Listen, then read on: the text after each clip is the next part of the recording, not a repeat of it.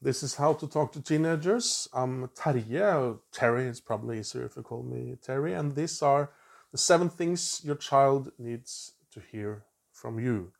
We're at number six today, which is uh, actually one of the steps in my book Seven Steps to a Positive Change in Your Teenagers.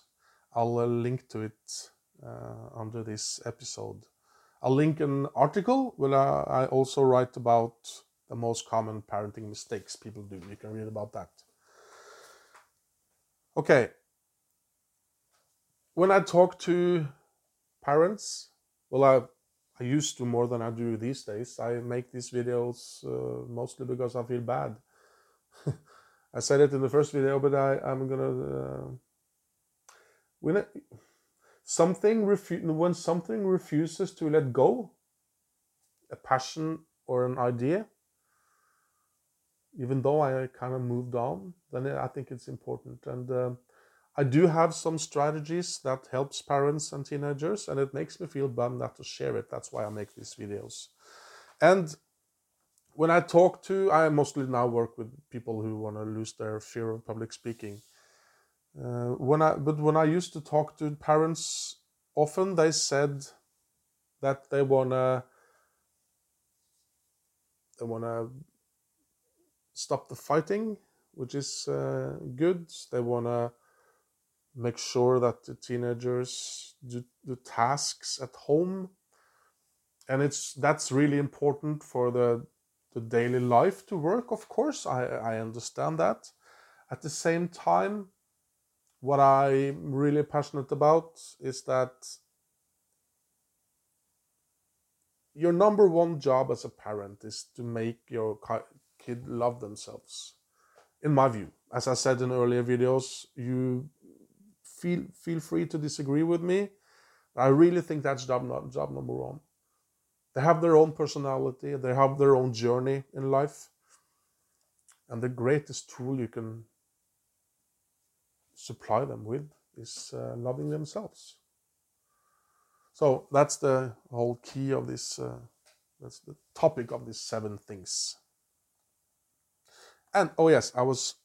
This number six is a, a part of one of the steps from my book, and it's called "Ask for Help." I'll explain. Think about something in your life which is challenging for you. Could be anything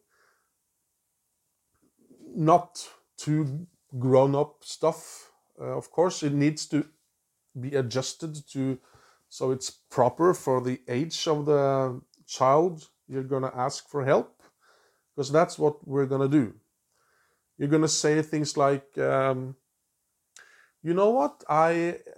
I was I was just wondering, Anne. I, I really see you as a wise and uh, great person, and uh, that's back to one of the earlier steps, right?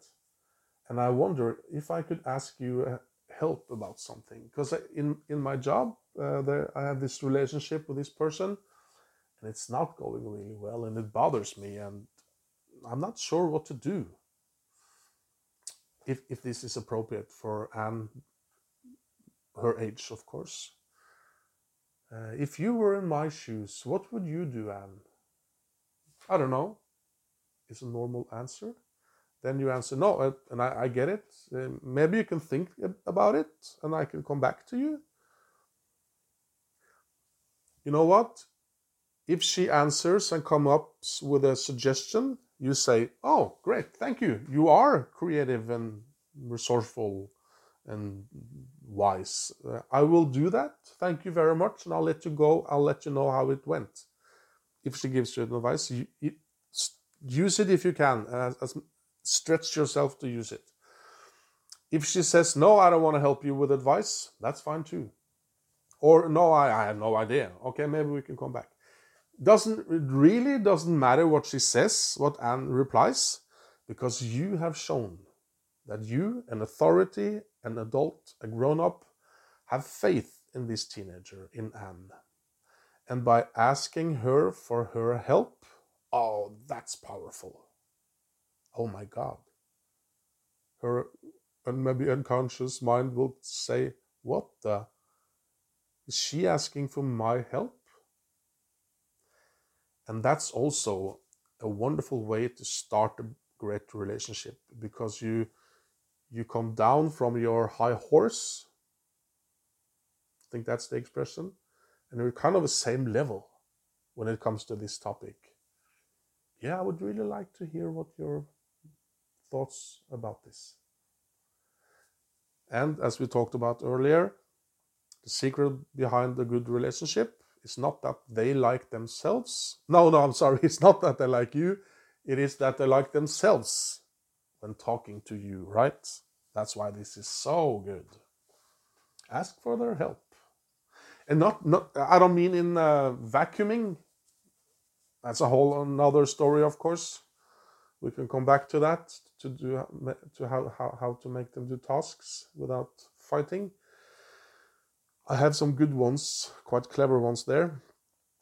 But it's about something you struggle with in your mind and in, in your personal. Well, it could be technology related. You know what? Make them feel.